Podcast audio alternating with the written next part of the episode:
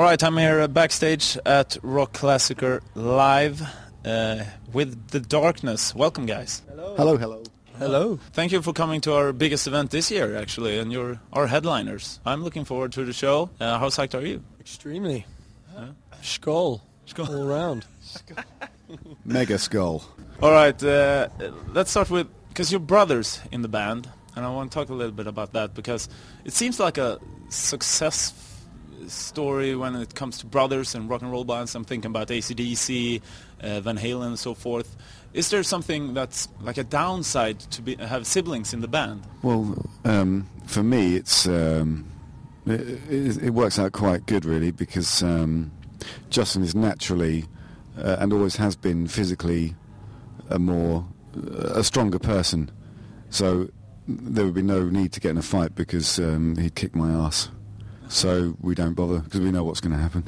I don't know what it's like for the other guys, but um, it's not something we ever think about, Dan and I, because we haven't got much choice in the matter. You know, you can't. They always say you can you can choose your relative. No, was it again?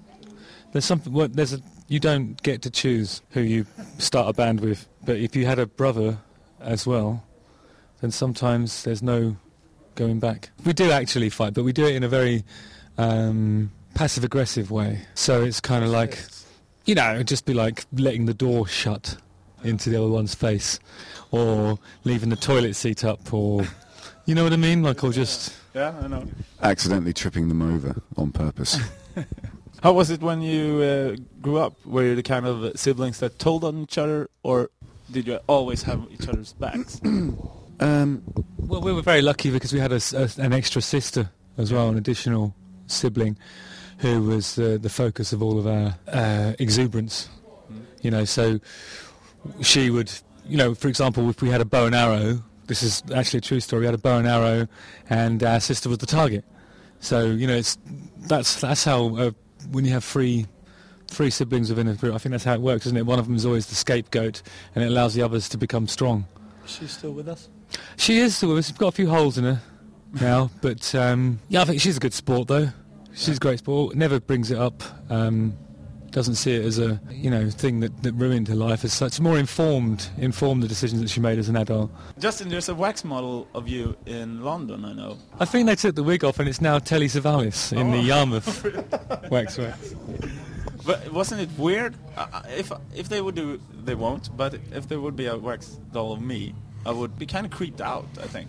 Was it was it weird? Like To be honest, um, I I only stood next to it once, and um, it was like uh, a distillation of myself, if you if you know what I mean. It wasn't it wasn't the same as looking in the mirror. It was just, it was like a particular pose, and yeah, it was weird, I suppose. Uh, but the process of of make of having a waxwork created is quite lengthy.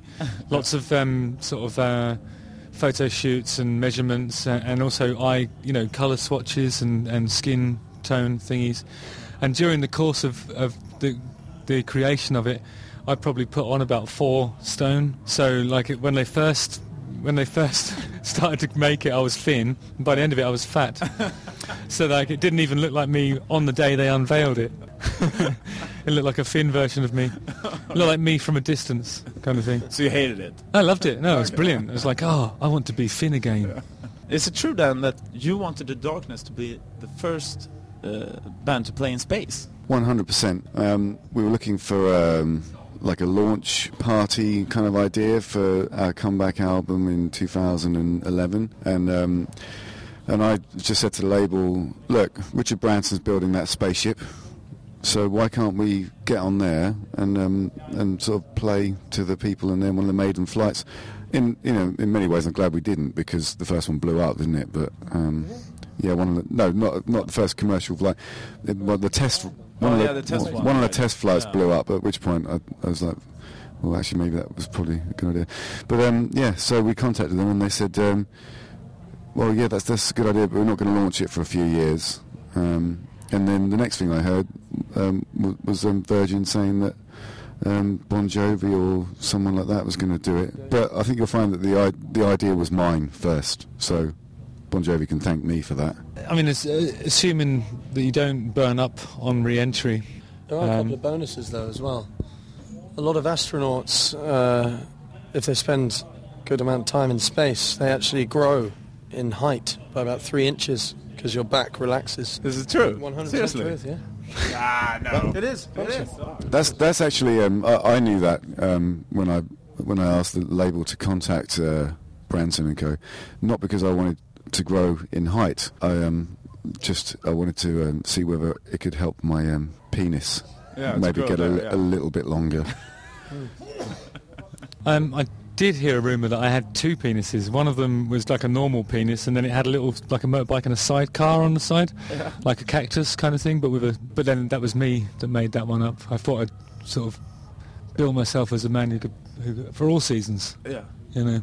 But the only thing that resembles resembles the cactus about it is the uh, so, no The forget it. spiky bits.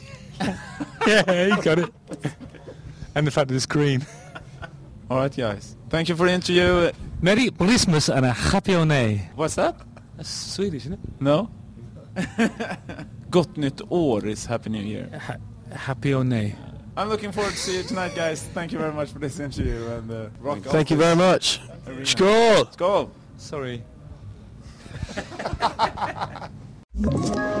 Ett poddtips från Podplay. I fallen jag aldrig glömmer djupdyker Hasse Aro i arbetet bakom några av Sveriges mest uppseendeväckande brottsutredningar. Går vi in med hemlig telefonavlyssning och, och då upplever vi att vi får en total förändring av hans beteende. Vad är det som händer nu? Vem är det som läcker? Och så säger han att jag är kriminell, jag har varit kriminell i hela mitt liv men att mörda ett barn, där går min gräns. Nya säsongen av Fallen jag aldrig glömmer på Podplay.